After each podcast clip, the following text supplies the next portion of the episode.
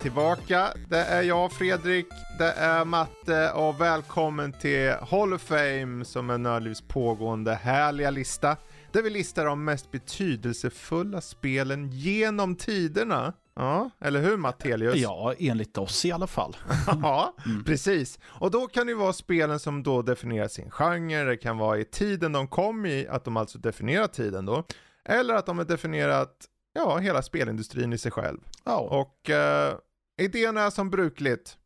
Vi ska ha med varsitt individuellt spel som vi har plockat fram och vi har hållit oss i vår lilla vrå och tänkt och klurat och Mm, och kommit fram till varsitt spel. Och eh, sen efter vi har lyft in våra två personliga spel så kommer vi även lyfta in ett gemensamt spel som jag och Matte i det här fallet då har valt tillsammans. Eh, och det blir lite intryck om spelen, eh, vad de gjorde när de kom och och eh, egentligen vår erfarenhet av dem. Så, och eh, det här är då en lista också som uppdateras sakta men säkert på vår hemsida. Så att man i efterhand kan titta vad vi faktiskt har fört in och om man vill lyssna på föregående avsnitt och höra varför vi lyft in vissa andra spel. Så. Men med det sagt så är det dags att köra igång och eh, den brukliga frågan jag brukar ställa är typ, men vem av oss ska börja egentligen Matte? Precis, vem av oss ska börja? Ja, vi skulle ha någon sån här digital flipcoin-grej kanske, mm, ja. men eh, jag säger bara så här, kör hårt Matte. Okej. Okay. Mm. Uh, jag har valt ett spel som mm. släpptes för första gången 1984. Uff, nu blir det klassiker. Mm. Ja, och uh, det, jag har valt att ta Kings Quest, Quest for the Crown. Okej, okay. mm. ja just det. Just det. Uh, så Sierra Onlines, mm. det är ett av deras tidigare, tidigaste mm. spel. De har släppt spel innan och det är ju skapat av uh, uh, Roberta Williams. Uh, och uh, det, jag tror att Ken Williams är uh, någonstans i bakgrunden också. Hennes kar. Mm. Jag tror att det även var de som skapade Sierra mm. dessutom. Och det här var väl... jag tror att Kings Quest var väl lite... Det, mycket av den grunden de byggde huset på. Ja, alltså de släppte ju först en Mystery House, mm. men det var ju med Kings Quest och sen då Space Quest och Police Quest och de här och Gabriel Knight ja. senare. Mm. Men det som kom som cementerade verkligen ja. Sierra. Uh, precis, och varför jag valt att ta in det här egentligen, det är för att uh, Ja, Okej, okay, det är inte det första peka-klicka-spelet vi har valt in i Hall of Fame. Jag tror att vi har både mm. Monkey Island och Beneath a Steel Sky i alla fall. Stämmer bra. Ja. Stämmer bra. Men inget, jag skulle nästan säga att de hade ju inte gjort som inte Kings Quest hade kommit. Mm. För Kings Quest var eh, typ, det var det första spelet inom äventyrsgenren som eh, hade animerade karaktärer. Mm. Tidigare under äventyrsspelen så var det ju, det var ju bara stillbilder och mm. berättartext. Det är mycket text nu med, för jag menar de har ju inte ens tagit bort eh, textpromptsen utan du måste mm. fortfarande skriva walk Precis. och sådär. Eller du behöver inte skriva att han ska gå, det är bara att styra med piltangenterna, men om man ska titta och allt det här, då mm. måste du skriva specifikt så. Så det var ju väldigt revolutionerande för sin mm. tid. Så, och till en början så tog, har jag förstått att det inte togs emot jättebra. Men det var för att de hade problem med just den versionen de släppte till en början. Men året därpå så, eh, ja, de utvecklade väl versionen lite mer så att mm. den blev lite mer stabil. Och eh, mm. en genre kan man väl säga var född. För, det, för hela peka-klicka-genren utvecklades ju bara härifrån sen. Mm. Uh, och det blev ju att någon uh, vid något tillfälle tänkte att ja, men varför ska man hålla på och larva sig med tangentbordet? Det är väl bättre att man använder musen istället. Mm. Uh, liksom, vilket underlättade jättemycket. Och det är väl också det som påverkar om man nu skulle få för sig om att hoppa tillbaka och spela originalversionen. Mm. Det är av många anledningar inte riktigt det lättaste att göra. Nej. Dels är det ju på sättet det styrs. Att det är väldigt knöligt att, aha, mm. och hur ska jag formulera mig för att spelet ska fatta vad jag menar? Och sen är det som till exempel att du kanske går och drunknar och så, okej, okay, så jag kan inte gå dit där det är vatten. Mm. Uh, jo, du, jo, jo, du kan simma, men du måste skriva uh, swim för att... Um, ja, ja. Men i alla fall, uh, jag har inte berättat vad det handlar om. Vi spelar som King, som Graham heter han. Han, kom, han bor i ett kungarike som heter Daventry. En gammal kung håller på att dör. Han, är in, han har ingen arvinge. Men Graham är en väldigt modig kille. Så han uh, tycker att, ja men, jag skickar ut dig på en på en quest. Du ska hitta de här objekten. Gör du det så vinner du kungariket typ. Mm. Och så är det, det är där du börjar. Mm. Vilket också gör det jobbigt för att när du väl har kommit ut ifrån slottet där det hela börjar så står man där och tänker jaha, och nu då?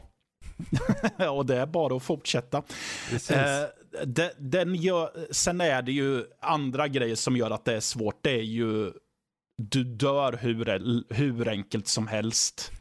Du, du, du, du, kan dö bara av att ha gått tio steg åt något håll. Så ja. äh, nej, det kom ett troll och slog ihjäl dig. Eller åh nej, du, du gick inte ordentligt på bron. Så du ramlade ner och blev uppäten av ormarna som bor där. Eller ett av de mest kända, som jag tror är anledningen till att man började prata om så kallad uh, månlogik. Mm. Det vill säga att uh, ja, men, logiken är, är inte logisk förutom i eh, huvudet hos den som har skapat pusslet. Typ. Precis, och precis. det mest kända där är ett uh, pussel som uh, går ut på att du ska gissa namnet på en liten filur. Mm. Du vet att det är Rumpelstiltskin. Men det är inte så du ska stava, utan du måste gå tillbaka och stava enligt något uh, jättegammalt språk eller något sånt där. Vilket, uh, ja, och, men det finns ju ett skäl till att alla de här jätteologiska pusslerna finns där. För skulle inte de ha funnits där så skulle spelet bara vara 20 minuter långt. Mm. Jo, och det mm. var ju inte ovanligt på den tiden, Nej. såklart. Um, det här spelet, ja, det är så kul att du lyfter in Kings Quest. Um, det var ju ett spel som jag indirekt hade i periferin när jag växte upp. Mm. Det var inte en serie jag körde, men det var, ett, det var den där serien som alla snackade om. Så här, för när det, jag kommer ihåg det så väl, mest på grund av att när jag växte upp så hade precis eh, när Nessen kom, Eh, så hade jag några, jag var ju väldigt ung då, för när kom Nessen? 85 eller någonstans? Ja, något sånt, tror jag. Och eh, under åren innan så hade ju mer eller mindre hela spelindustrin, alltså den gick ju på knäna. Den gick ju så jävla uselt. Men det fanns en industri som påbörjade att komma igång just där i slutet på 80-talet. Och det var hemdatorerna. Ja. Och i det här fallet var det IBM då som tjatade till sig då, kan inte vi få släppa, vi, bör, vi vill ha någonting sofistikerat, vi vill ha någonting annat. För på den här tiden så måste man ju komma ihåg det, att vad hade vi? Vi hade Pong, vi hade Qbert, vi hade sådana här spel som var liksom en karaktär, gå upp och ner, väldigt enkla, alltså Pac-Man de har sin plats i spelhistorien. Men att, att evolvera spelmediet till den plats som King que Kings Quest faktiskt gjorde 84, det vill säga ha ett äventyr som är ärligt talat väldigt brett och väldigt stort. Uh, och uh, i, som i namnet säger, som det säger, alltså ett äventyr verkligen. Ja. Det hade ju inte setts. Nej. Och att du själv kunde skriva swim eller liksom point eller klick eller open eller sånt. Det var ju en interaktivitet som inte heller hade riktigt utforskats Nej. till fullo. Mm. Så att Kings Quest slog ju ner som liksom en av de här spelen som definierade PC-spelandet. För inte fan sitter du på konsolen och skriver, ja, open eller uh, sådär. Nej. Det, det, går ju inte. Mm. Så att, eh, och det var ändå senare för, jag menar, Många säger så här, men första Zelda, det måste vara det ursprungliga äventyrsspelet. Ja, det satte ja. väldigt stor prägel. Ja. Men två år innan kom Kings Quest. Ja. Som egentligen etablerade just äventyrsspelandet på en spelmaskin. Precis.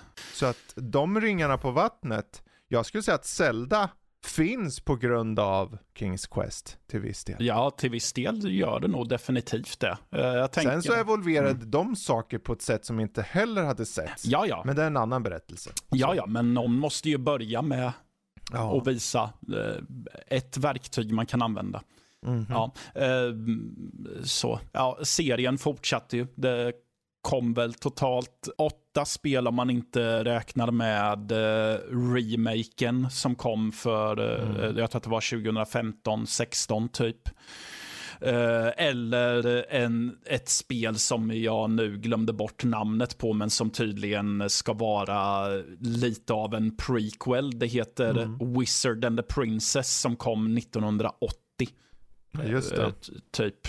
Eh, Som, det har väl lite grejer som påminner om varandra, men jag valde att säga att nej, men det började här. Ja, det Mm. var ju mer som en slags teknologisk test, kändes det mest Ja. som. Wizard and the Pri- Princess, som var den här åtta, eller inte åtta bitar, men det var väl åtta bitar antar jag. Eh, åtta bitars spelet som var ett äventyrsspel, så, så här monokromatiskt nästan om jag minns rätt.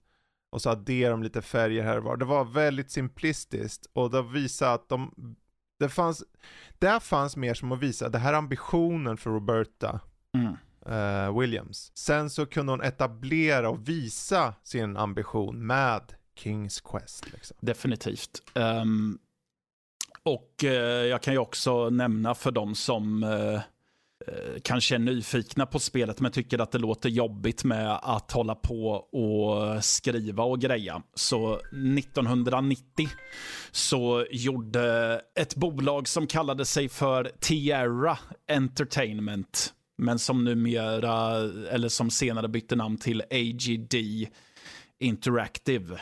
Eh, de gjorde en remake av spelet 1990 som gjorde det till mer traditionell peka-klicka och som även eh, slängde in lite röstskådespel eh, for good measure, så att säga. Eh, så de gjorde remakes på flera. Eller det Mm. var fan-remakes kan man säga som fick väldigt mycket uppmärksamhet. Liksom. Precis. Ja. Ehm, ja, men vad kul. Mm. Det är det här, det här, jag vill bara fylla, för er som lyssnar, poängen med, som, med Hall of Fame är ju uppenbarligen det att vi vill liksom poängtera de här spelen som vi känner är viktiga.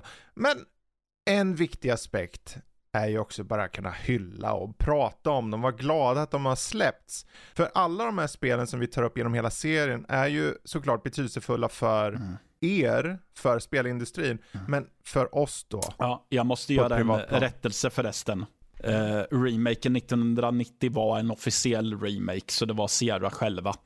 Men eh, de här AGD Interactive gjorde på 2001 så gjorde de den remaken jag refererade till med röstskådespelare. Men 1990 så var det ju med traditionell peka-klicka och eh, tog även bort många av de här återvändsgränderna du kunde komma till. Ja, ja. För eh, en annan sak som man förknippar med Sierra är att eh, eh, du kunde så kallat softlocka dig. Det vill säga att du kunde gå igenom spelet men så visade det sig att åh nej, du är i slutet men eftersom att du inte plockade upp den här grejen i början av spelet så kan du inte vinna nu. Hej då, börja om från början. Ungefär. Mm. Ja, men då ska vi se, för då är det min tur, eller är det otur? Jag vet, jag vet inte, eller är det din otur kanske? Nej, det är så här att i mitt fall så har jag klurat och tänkt och funderat under en lång period och tänkt, ja men vad, vad är det för något spel som på något sätt har etsat sig fast i min ryggrad? Kanske ett spel som, som på pappret inte har gett så stora ringar på vattnet, tänkte jag först. Men sen, när jag lät det där ligga i blöt lite, Som man gör. ligga i blöt, så sög det upp sig lite och så märkte jag det att nej, alltså det här har gjort betydligt större påverkan än jag tror. För spelet jag har är ett enspelarspel som 1987 släpptes och är ett open world-spel. Okej. Och det börjar med att du som person får ett slags, eh, ett brev som auktoriserar dig tjänsten som privatperson för det spanska imperiet. Eller för Nederländska republiken. Eller för kungariket England, eller rent av det franska kolonialriket i Karibien. Spelet heter Sid Meier's Pirates. Haha. Microprose släppte det här spelet 1987 och det är ju då eh, första namnet som eh, inkluderar Sid Meier i titeln för övrigt. Eh, han är ju också känd som skaparen av Civilization bland annat. Ja, det är väl det jag förknippar honom med mest. Precis. Och sen kom det en hel drös med spel egentligen som heter Sid Meier's Ditten och Datten. Men det som var så oerhört eh, engagerande med Sid, eh, med Sid Meier's Pirates var ju då att det här var ju för sin tid en simulering av livet som en pirat, eller en kapare eller piratjägare eh, på 15, 16, 1700-talet. Eh, och eh, det utspelas uppenbarligen i Karibien och du fick hela Karibien. Du hade om du hade liksom, om du hade i originalversion, på den här tiden var väldigt många som eh, kopierade på diskett och liknande, så man hade kanske inte, alla hade inte det. Nej. Men om du hade originalversionen, eh, alltså en, en big box, då fick du oftast med en karta. Och då menar jag alltså en riktig jäkla karta. Mm. Eh, så att du kunde säga, okej, här uppe är den här ön, den har den här lilla uh, hamnstaden och här är de här. Och det, det kanske inte var jätteexakt på den där kartan, men du kunde ta med tusan ta dig överallt. Du kunde gå i land, du kunde attackera. Och det här spelet, för att vara lite aktuell, eh, är betydligt bättre rent eh, open world-mässigt än det senaste Skull and Bones som släpptes här nyligen. Så pass alltså. Ja, faktiskt. För det fanns en, en väldigt stor frihet i vad du gjorde ute till havs. Medan de nya, som Skull and Bones, är betydligt mer satt i sin uppdragsstruktur. Här var det lite mer upp till dig. Om du vill bara, ja men jag ska bara vara en pirat. Att du bara håll dig ute till havs. Men det fanns en överlevnadsdel eh, i det hela lite grann så. Att du, om jag behöver ju pengar och jag vill ha en stor flotta, jag vill ha många skepp. Du, om du ville liksom eh, ta och attackera ett annat skepp kunde du välja liksom plundrare och sänkare eller plundrare och ta och behålla skeppet. Så att du kunde till slut ha en armada med skepp nästan. Eh, och sen kunde du åka till, om du ville använda spelet mer som en eh, som en sån här, eh, vad heter det, när man åker runt och köper och säljer eh, ett spel liksom, ett strategispel, så kunde du det också. Uh, och om jag inte minns helt fel så åldrades karaktären också och gjorde det svårare att slåss. Och du fick försämrad hälsa så småningom och tvingade gå, karaktären tvingades gå i pension. Och spelet slutade när spel, spelaren gick i pension då. Och då fick man fram då vilken position den hade. Eller hade uppnått då. Och då fanns det ett spann från tiggare till kungens rådgivare. Som baserades på hur mycket rikedomarna hade ackumulerat land, rang och civilstånd och skit. Och det, här, det här var alltså ett spel, 87 som gjorde det här. Ja. Och att åka runt på havet och se sakta men säkert, men där är en liten stad, vi åker i land här, eller vi, där är ett skepp, där är någon, eh, där är ett par skepp som åker för de har kanske någon last av något slag och ska jag chansa och ta den, men om jag tappar båten då blir jag bokstavligen av med båten. Mm. Det gjorde att man höll koll på världen på ett annat sätt. Alltså, Jag menar bara det faktum att man håller på vädermätaren, bara, okej men hur ser vädret ut här fram? Och så ser man ett litet moln som går över med lite regn och skit. Det fanns slumpmässiga aspekter i, i världen, så som världen faktiskt ser ut för oss människor liksom. Det, man vet aldrig vad som händer i Karibien, det kanske blir en storm någonstans. Självklart var det ju också fast i sin tid i den mån att det var ju en väldigt förenklad grafik. Du har en sån här top-down vy och du ser ett skepp lite på ett hav och så åker du runt och när du går i land så får du en liten annan vy kanske och så. Men överlag var det där stora perspektiv till havs. Och förr eller senare var det någon jävla fartyg som börjar jaga det och du bara okej, okay, jäklar jag måste dra. Och då är i och med att det är så baserat på hur vädret ligger, det vill säga om du har mot eller medvind, så försöker du hela tiden hitta vart, går, vart hamnar jag i, i, i rätt läge så att jag får medvind, så att jag åker snabbare från de här jäkla jävlarna som vill ha ihjäl mig till exempel. Uh, jag vet inte, det var, det var ett spel som på något sätt bara fick mig att förstå att spel kan vara så kreativa eh, i den mån att det är upp till dig att styra Mm. förloppet. Det var inte så mycket berättelse i det, utan du skapade berättelsen. I en tid där alla spel antingen var de supersimpla i sitt upplägg, Pong, eh, Tetris, eller så var det ett äventyr bara med gubbar som bara, ungefär som du pratade om Kings Quest Ja. liksom. Men så kommer de här och säger, du, du har den här världen här. Du kan bokstavligen åka vart du vill, du kan gå i land på den här ön, och så kan du promenera med dina gubbar hållandes båtjäveln över land. Ja, det kunde du. Mm. Jaha. Mm. Från barden ju, om du vill korsa en ö till exempel. Ja, just det. Mm. Ehm, och det, det, det var någonting hela tiden runt nästa hörn. Det var ju aldrig som idag när det är 7000 pluppar på kartan, utan du fick bokstavligen leta upp en skattkarta. Och Okej, jag ser ett kryss här, det ser ut som den här delen av den här världen. Kan vara där, jag åker dit och hugger i sanden och ser vad som hittas. Mm. Och så lite intuitiv navigeringsmekanik på det Mm. antar jag med då. Så ja, okej. Ja. Mm. Ja, jag har ju själv inte spelat det. Jag är ganska säker på att på min familjs gamla Amiga-dator att vi hade en Mm. diskett som det stod Sid Meier's Pirates på. Men jag är också ganska säker på att det förmodligen var något fel på den disketten. För jag hade ett minne av title screenen men inte att jag typ fick igång det efter det eller något sånt. Förmodligen är det för att det är på fyra disketter tror jag. Där har vi nog svaret då. Jag tror det är, det är flera disketter har Ja. för mig. Mm, Så att, eh, mm, Men eh, det som är intressant med serien sen om man ser lite till vad du gjort. eh, Det här tänket på just att ha en öppen värld och låta spelare ta sig lite vart de vill, bokstavligen ta sig vart de vill var ju inte riktigt jag har svårt att komma på i, i inspelande stund andra spel som gjorde det. mm, Så att, men jag kan ju förstå varför det kom att älskas av människor. För att det här kom ju sen till att portas till allt. Jag körde det ju, box, alltså jag, först och främst körde det ju på Amigan. Och det, Amigan släpptes det till 1990. Men jag vet att vi hade det på någon gammal dator som farsan hade på jobbet eller något. Jag vet ju att det kom till C64, Commodore 64 till exempel. mm, mm. Så att eh, den fanns ju till allt och sen kom den till NES också till slut. Ja. Så att, och det säger ju någonting om just genomslaget som spelet hade. Eh, vilket är intressant då att det egentligen aldrig fick en uppföljare. Alltså en genuin nummer två. Det fick däremot en remake 2004 Mm.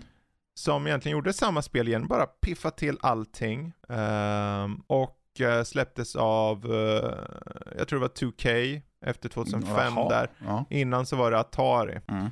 Ehm, och den remaken i sig var också väldigt trogen, men vå- vågade också eh, fixa med världen så att den var mer frodig och sådär lummig som man ville att en karibisk värld skulle vara. Mm. Så som man föreställde den lite grann eh, när man såg de här lite mer enkla grafiken då på tidigt 90-tal. ja, just det. Ehm, jag vet inte, för mig är det nog att den här typen av spel kommer att på något sätt cementera för mig varför jag ska spela på PC, eller i alla fall gjorde så då.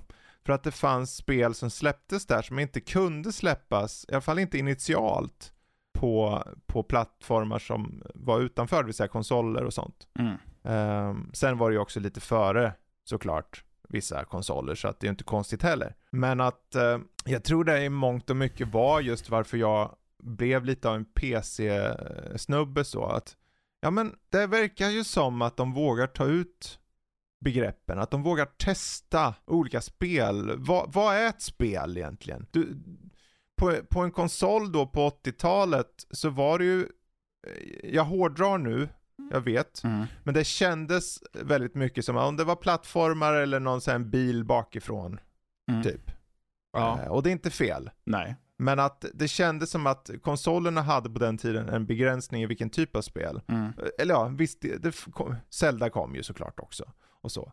Men att, att se typ på PC då och i det här fallet eh, Sid Meier's Pirates våga ta ut gränserna då 87.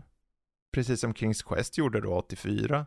Var ju någonting som för mig bara, ja, det är här jag måste vara, det är här det händer saker. Och det var så spännande. Jag har min hemmadator. Mm. Mm. Jag hoppas ju på att, att de får tummen ur. För de måste ju fortfarande äga Sid Meier's Pirates där på 2K. Mm. Uh, känns det som. Uh, jag vet ju att Microprose, uh, jag vet inte om du känner till Microprose, men de var ju utgivare och utvecklare. Känner till dem. Ja, de, deras mest kända spel då på den tiden var ju Formula One. Som ja. de slog igenom. Med, med enorm slagkraft. Men i, de har ju återuppstått, Microprose. De finns idag igen. De har kommit tillbaka för tre fyra år sedan någonting. Och har börjat släppa väldigt väldigt nischade spel med fokus på en hög strategi och liknande. Eh, så vart IPet ligger, jag gissar på 2K. Mm. Men det kan vara hos Microprose. Oavsett så hoppas jag att någon tar itu med det här och, och bibehåller perspektivet i så här top-down-vyn och gör något nytt på det. Ja. Eh, jag antar att det finns tusentals kloner på typ Steam eller något, för det gör det säkert. Ja, det gör det antagligen, men... Det... Men uh, att se någonting från 2K eller liknande, pusha det, vad man kan göra med särskilt nu när vi har sett Skull and Bones och vi har haft Sea of Thieves, och även de spelen på ett tekniskt plan är väldigt bra, uh, utseendemässigt och, och så, så är det, det, med båda de spelen har det fattats något för mig. Det, uh, sea of Thieves fokuserar på co-op-aspekten och det är coolt i sig, men det mm. kändes jämt som att utforskandet och framförallt uppdragsstrukturen var så tom bara. Det fanns inget liv i den och jag vill köra själv min värld. Jag vill upptäcka själv.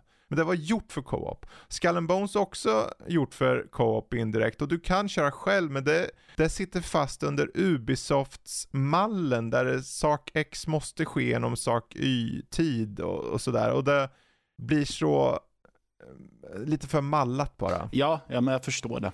Mm. Så att, uh, ja, Sid Meier's Pirates åker rakt in på Hall of Fame. Precis där det hör hemma. Ja. Mm. Men, matte. Ja. Då har vi alltså kommit till det sista som är vårt gemensamma spel. Mm. Så jag tänker jag överlämnar till dig här så får du sätta upp scenen jag... för vad det är för någonting. Oj, ska jag sätta upp scenen? Hur fasen gör man det då? Jo, året är 2007 och eh, vi eh, eh, gör oss redo för en blöt... Återigen blött. Ja, ja, just det. Ja, eh, precis. Nej, men eh, Ja, jag försökte dra lite paralleller om annat som skedde 2007 och så, men jag kommer inte riktigt ihåg någonting. Så vi säger, nej. Um, ehm, 2K bestämde sig för att uh, vi släpper Bioshock. Mm. Mm. Där uh, ja, vi spelar som en... Får man reda på vad huvudpersonen heter? Hmm. Jag tror inte det. Nej. Eller jag kommer inte ihåg det i alla ja, fall. I, ja, men... Det är så mycket fokus på just världen och Andrew Ryan och allt det här. Ja. Så att det känns lite sekundärt Nej, men i, Vi spelar som en, eh, en snubbe som, eh, om jag minns Jag tror rätt... han heter Jack. Okej, okay, ja, men han, eh, han förliser i en båt va? Har jag för mig om, eller? Var det inte flygplan? I ett flygplan kanske det. Ja, och så tar han sig till en Fyr, en fyr, en fyr tar han sig till Precis. och hittar då en, eh, en hiss av något slag mm. som tar honom långt, långt, långt, långt ner under vattenytan. Mm. Tills han kommer till en, vad som ser ut som en, en stad.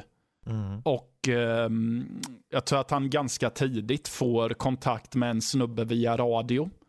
Som mm. säger, åh nej, eh, är du en människa på väg ner hit? Det var ju inte så bra. Eh, typ. För att, eh, och då får han reda på att det här, den här staden heter Rapture och är skapad av eh, han som du nämnde, the An Andrew, Ryan. Andrew Ryan. Det, mm. det, ska vara en utopi, det perfekta samhället under vattenytan. Mm. Men det har såklart gått åt helvete. Eller blir vi varse efter ett tag för att eh, de de individerna vi stöter på som troligtvis är medborgare verkar inte vara särskilt lyckliga. Mm -hmm. och eh, det är små flickor med stora robotar som kompisar och lite så. Så slåss för överlevnad och ta sig därifrån. Mm. Blir fokusen. Ja, mm. det här spelet alltså. Jag ska erkänna nu att jag var väldigt skeptisk när det kom eh, innan. För att, eh, och främsta anledningen eh, är egentligen för att jag växte upp på eh, Ken Levine, han som skapar det här, hans tidigare spel. Som då, eh, det här är en slags andlig uppföljare på, som heter System Shock. Och vi har ju pratat om den serien tidigare. Uh, där egentligen System Shock, särskilt tvåan då, var ett väldigt djupt uh, RPG i första person. Ja. Men sen när jag hörde att de skulle släppa den här och den skulle komma på konsoler och då antog jag direkt, ja men då kommer de förenkla utav helvete. För det är klart att du kan ju inte ha ett sånt djup. Jag vet, fördomsfull. Jag vet. Ja. Men, men vet ni vad? När jag väl satte mig med det här spelet och bara andades in den här atmosfären och dreaden i, i bara i miljöerna och ja. utsattheten. Och sen då att de har slängt in de här fantastiska Big Daddies och Little Sisters som, som väckte frågor, bara, att de, bara deras existens väckte frågor. Hela världen väckte frågor. Verkligen. Och då fanns det ju hela den här, som du nämnde den här Andrew Ryan och den här uh, utopin som han har försökt att skapa så finns, väcker det frågor och det väcker också en, en kommentar kring vad är en utopi? Vad, vad anser vi? Vad, hoppas vi ibland att en utopi ska vara? Och vad skulle det egentligen kunna resultera i? Nu dras det ju till eh, extremer här. Men att det var väldigt fantasieggande. Mm. Var det. Ja, jag vet att det som gjorde starkast intryck på mig var väl just inledningen när man eh, simmar i land och det mm. där. Att uh, det, det kändes som att det var ett lätt sätt att liksom göra dig ett med uh, huvudkaraktären direkt. Och att uh, jag tycker nog att det är positivt att, han, att jag inte kom ihåg vad han eventuellt hette. För att han är ju ett blankt blad och blir ju då mm. en förlängning av oss själva. Och ställer förmodligen samma frågor som vi ställer oss själva under tiden vi Exakt. går igenom spelet. Liksom. Ja, uh. för jag menar, världen består ju också av då slags, de har ju något som heter plasmids, som mer eller mindre är liksom som specialförmågor som de har mm. uh, förändrat människornas kroppar med genom Mm. olika experiment eller vad man vill kalla det. Och, och det har ju gjort dem till slags supersoldater, eller inte supersoldater, men de, de kan liksom använda de här förmågorna på olika sätt. Uh, och sen så lär du dig då att använda samma förmågor. Ja. Men då är det så här, vart går, vart är liksom nivån för, det här, är, det här är mänsklighet eller mänskligt beteende och när går jag bortom det? När blir jag liksom ett monster? Kan jag gå bortom det? Uh, och vad är Big Daddies i den här relationen? Är de då uh, 17 steg förbi mänsklighet? Är de bara vidunder som röjer runt och varför kommer jag bli en sån? Någonting som då tas upp egentligen i tvåan sen, som jag tycker personligen är underskattad. Mm. I och med att du spelar som en Big Daddy. Um, Okej. Okay. Mm. Så att den här den här just bakgrundsberättelsen om att det utspelas på 60-talet i den här undervattensstaden och att man får liksom berättelsen genom ljudinspelningar. Det här är en av de spelen som jag tycker ljudinspelningarna funkar, för de har liksom lämnat sig ruinen av den här staden. I många spel så blir de här ljudupptagningarna lite så här systematiskt bara repeterad monotona, ja, men här så jag har de gjort att, väldigt väl. Ja, jag tror att nyckeln till det hela är att eh, du, du ser motivationen till varför de finns där. Mm. Att uh, det här var det enklaste sättet att dokumentera vad som faktiskt skedde. Mm. Så det, det, är också där att jag tycker att det, det finns en rimlighet till att du hittar mm. de här ljudinspelningarna som kanske an, många andra spel i alla fall kanske har tappat lite. Exakt. Uh, så.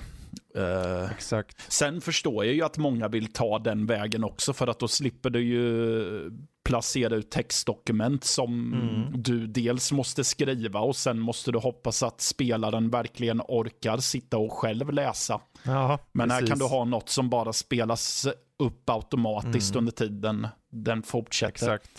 Exakt.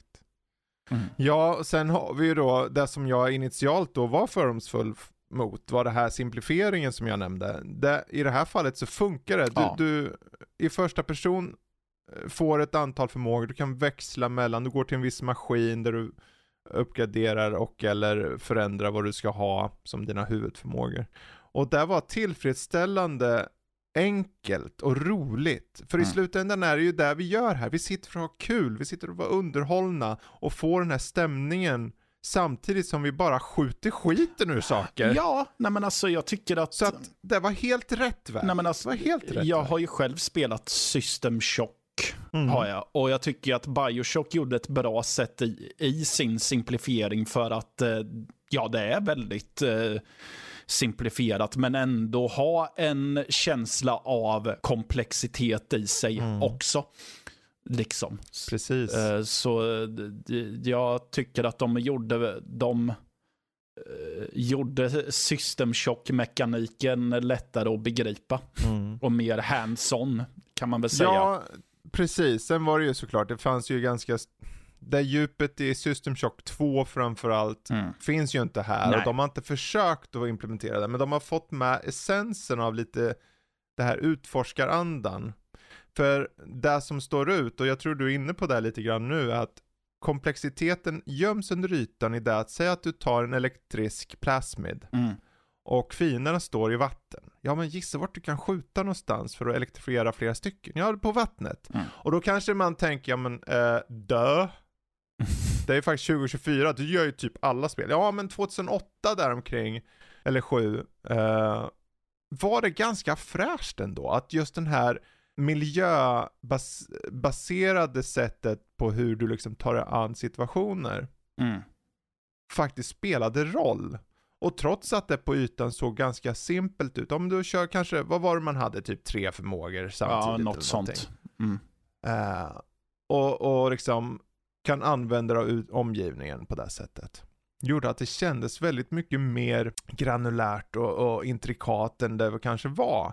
Men det är ju det som gjorde det så roligt liksom. Mm. Sen ska jag väl erkänna att jag personligen, när jag då gick i korridoren, man hör det här Mm. boom, boom. Man tänker, åh jävlar vad är det som låter? Och det är en Big Daddy som långsamt gurglar sig fram i någon korridor med en liten Little Sister. Och, och man tänker, fan den där, jag får lite gåshud av det där. Det är Mm. inte att jag är rädd så, men det är någonting med atmosfären Det, bara. det hade en jäkla nerv när det släpptes vet jag. Ja. Jag vet att eh, en av de första, eh, ja, de är väl inte riktigt människor, men som man Mm. stöter på är en, eh, är en kvinna som står och Mm. lipar vid en barnvagn. Mm. Och eh, jag var ju medtagen i den här stämningen, så jag var ju så godtrogen så jag tänkte att ja, men jag ska väl gå fram och prata med henne. Och jag höll ju på att skita ner mig när hon plötsligt gör ett våldsamt utfall ifrån mig. Och Ja. att jag då inser att shit, jag måste attackera henne. Jag tror att man har eh, revolvern redan då. Mm. Och jag minns att eh, det, jag även blev medtagen när jag hade avfyrat revolvern första gången. Mm. Så att det var så här, oh shit, vad fasen gjorde jag nu? Och att jag nästan Mhm. var rädd för att skjuta och så. Då, ins, och då spelar vi återigen an på att eh, huvudkaraktären var en för, ehm, förlängning av en själv. Mm. Och att eh, också på något sätt bakat in att ja, men eh, Jack, som han då heter, han har Mm. nog inte hanterat vapen innan kanske. Det är ju ingen som vet. Precis, precis. Så.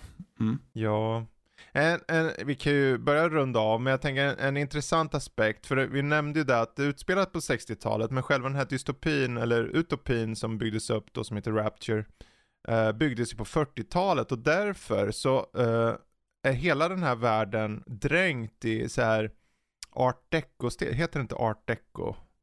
Eh, Ehm, det heter art deco formgivning då som har den här lite rundade 40-talsaktiga looken. eh, som liksom genomsyrar spelet och den, ah, den är fan riktigt cool i det här sammanhanget. Eh, den skänker ju spelet en unik prägel som man inte sett tidigare. Mm. Och sen har de här, precis som du var inne på, den här atmosfären, den här nerven och, och, och den är lättillgänglig på samma gång, just hur du spelar.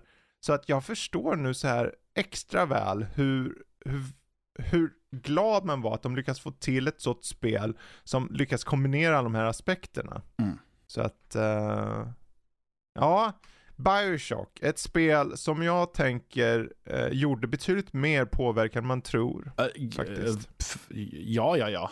Det är ju det är samma sak, du var väl inne med på det första vändan med Max Payne, att det har mm. eh, gemensamt på det sättet att eh, det har gjort eh, större intryck och har påverkat spelvärlden mm. mycket mer än vad det kanske vanligtvis får Precis. cred för.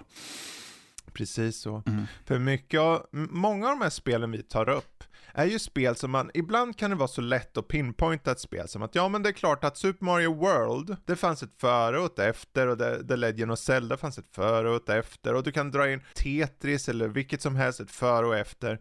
Sen blir det lite svårare med vissa spel. I alla fall om vi ska så här vara väldigt tydliga med, ja det här är före Bioshock och det här är efter. Det kanske är svårare, men det här är ju då det intressanta med spelindustrin att de ringarna på vattnet, de märker vi inte av förrän vi bara intuitivt märker i ett spel tio år senare, ja ah, just det, det här är ju som Bioshock, ja ah, just det, det här är ju som Bioshock. Mm. För att utvecklarna liksom absorberar det här, suger upp allt det här. Och det är inte att de uttryckligen, ja men nu ska jag göra en Bioshock-kopia, där man tar element från allt. Ja. Och det har tagits mycket av element från Bioshock och jag tror stämning framförallt har vi sett i första personspel. Ja, men okej, okay, vi kan ha ett suggestivt, inte rent skräckspel, mm. men det är borderline survival om man vill. Du kan smyga ja. förbi, förbi monster eller plasmid, nissar och sånt. Och du har Little Sisters och framförallt fokus på story. Fokus på story första person i en tid, vad är det här, ett par år efter Half-Life 2 evolveringen här, evolveringen märks av sakta men säkert genom åren om man tänker på det. Mm. Så att, uh, superkul med Bioshock äntligen inne på vår Hall of Fame. Som vi har längtat. Ja. ja. Mm. Men uh, där har vi det då. Dagens avsnitt. Ditt spel var? Kings Quest, Quest for the Crown. Jag hade Sid Meier's Pirates och vår gemensamma var då? Bioshock. Bioshock. Sådär. Ah, vad förlösande det kan vara, eller hur? att få prata ur sig om spel ja, det är så här, och vi vill ju veta, vi vill veta också om ni känner att de här hör hemma på Hall of Fame så kan ni såklart höra av er på info.nordlivpodcast.se Ni kan också skriva den här Hall of Fame-chatten som finns inne på vår Discord-kanal. Mm. Det är bara att poppa in på hemsidan, på höger sida längst upp i kanten finns en liten Discord-knapp som heter Connect poppar ni rakt in. Kan ni skriva om vad ni tycker? Um, det är ju frågan nu. Nästa gång är om tre veckor. Då kommer nästa Hall of Fame. Vilka som är med då vet jag inte. Om jag är med eller helt andra människor, det märker ni. Men en sak är säker. Fler spel ska in på vår Hall of Fame. Och det blir en spännande vår, så häng med oss. Mm. Tack för att ni har lyssnat. Tack. Och ta hand om er. Ja, tack så mycket. Hej då. Hej då!